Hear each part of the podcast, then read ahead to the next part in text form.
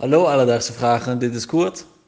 En ik vroeg me af waarom zien auto's er eh, nu zo anders uit dan vroeger?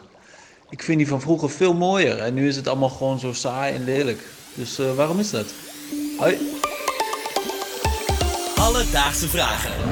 NPO Luister. Dankjewel Koert voor het insturen van je vraag. Ehm, ik snap de vraag van Koert Merel.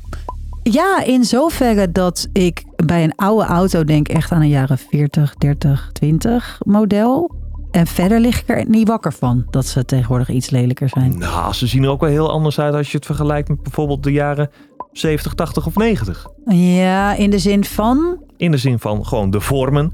Gewoon als je naar het straatbeeld kijkt, dan zijn de auto's toch echt wel een heel stuk anders dan toen. Lelijker. Ja, mijn woorden wel. Ik vind ze wel lelijker. Oké, nou ja, ik ga jullie deze geven. Ik vind ze ook lelijker. Oké, maar je ligt er niet wakker van. Nee, precies. Nou, iemand die er, nou, ik ga niet zeggen wakker van ligt, maar die er in ieder geval wel een mening over heeft, is ook degene die onze vraag gaat beantwoorden. En het gaat over auto's, dus dan is het weer tijd voor... Verkeer en meer met Tom Huiskens. Tom is onze vaste mobiliteitsexpert en de aangewezen man om deze vraag te beantwoorden. Dus Tom, waarom zijn de auto's van vandaag de dag toch zo anders dan een aantal decennia geleden? Ja, vroeger zag je natuurlijk meteen in één oogopslag eh, welk merk het betrof. Eh, Italiaanse auto's die zagen er op een bepaalde manier heel spannend uit. Eh, je had Franse auto's die er een beetje raar uitzagen.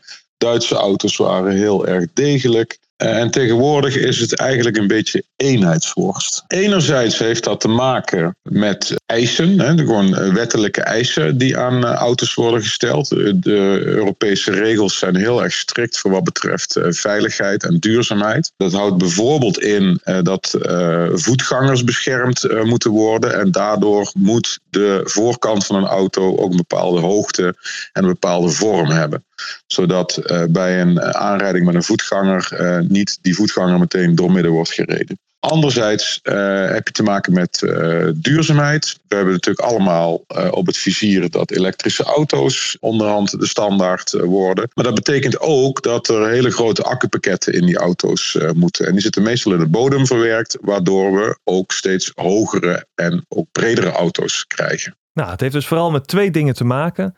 Veiligheidsvoorschriften voor de auto en duurzaamheid. Ja, precies. Maar het mag wel nog. Kijk, eh, het is niet dat je het elke dag ziet. Maar laten we een oldtimer nemen. Het is niet dat je er niet in mag rijden vanwege die veiligheid. Nee, je mag er wel inrijden. Eh, maar dan komen we eigenlijk nog bij een ander punt. eh, waarom de auto's die nu gemaakt worden er toch wat anders uitzien. Het heeft ook een beetje te maken met de wensen van ons. Eh, want we willen een airco, elektrisch verstelbare stoelen. Dus we willen ook allemaal nieuwe snufjes in de auto's.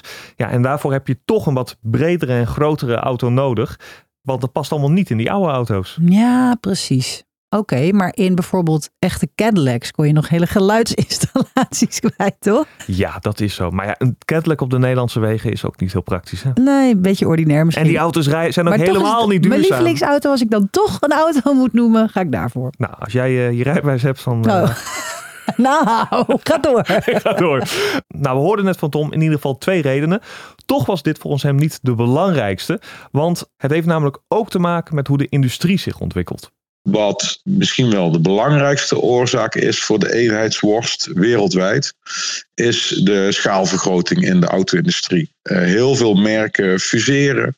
Eh, heel veel fabrikanten vallen nu onder eh, dezelfde paraplu.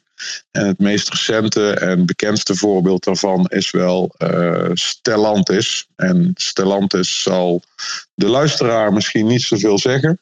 Maar dat is het moederbedrijf tegenwoordig van eh, merken als Opel, Peugeot, Citroën, Alfa, Fiat, maar ook Jeep en Chrysler uit Amerika.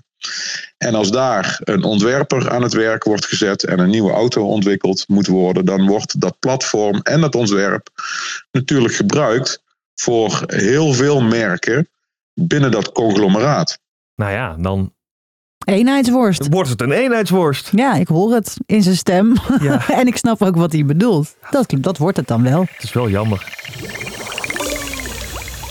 Dus, Koert, vandaag zochten we voor je uit waarom de auto's van nu er zo anders uitzien dan vroeger. En dat heeft met een aantal redenen te maken. Allereerst moeten auto's nu voldoen aan regelgeving van de EU waarmee voetgangers beschermd worden. Hierdoor moeten ze een bepaalde vorm hebben waardoor de schade bij een aanrijding beperkt blijft. En daarnaast speelt ook de overgang naar elektrische auto's een rol en is de auto-industrie zo veranderd dat bepaalde automerken onder één concern vallen. En ja, dan heb je al snel ontwerpen die op elkaar gaan lijken en dat het, om met de woorden van Tom te spreken, een eenheidsworst wordt. Heb jij ook een vraag? Stuur ons dan een berichtje op Instagram. Dat kan naar Alledaagse Vragen. Maar je kan ons ook mailen op alledaagsvragen.bnnvara.nl en dan zoeken we het voor je uit. Alledaagse Vragen. NPO Luister. BNN Vara.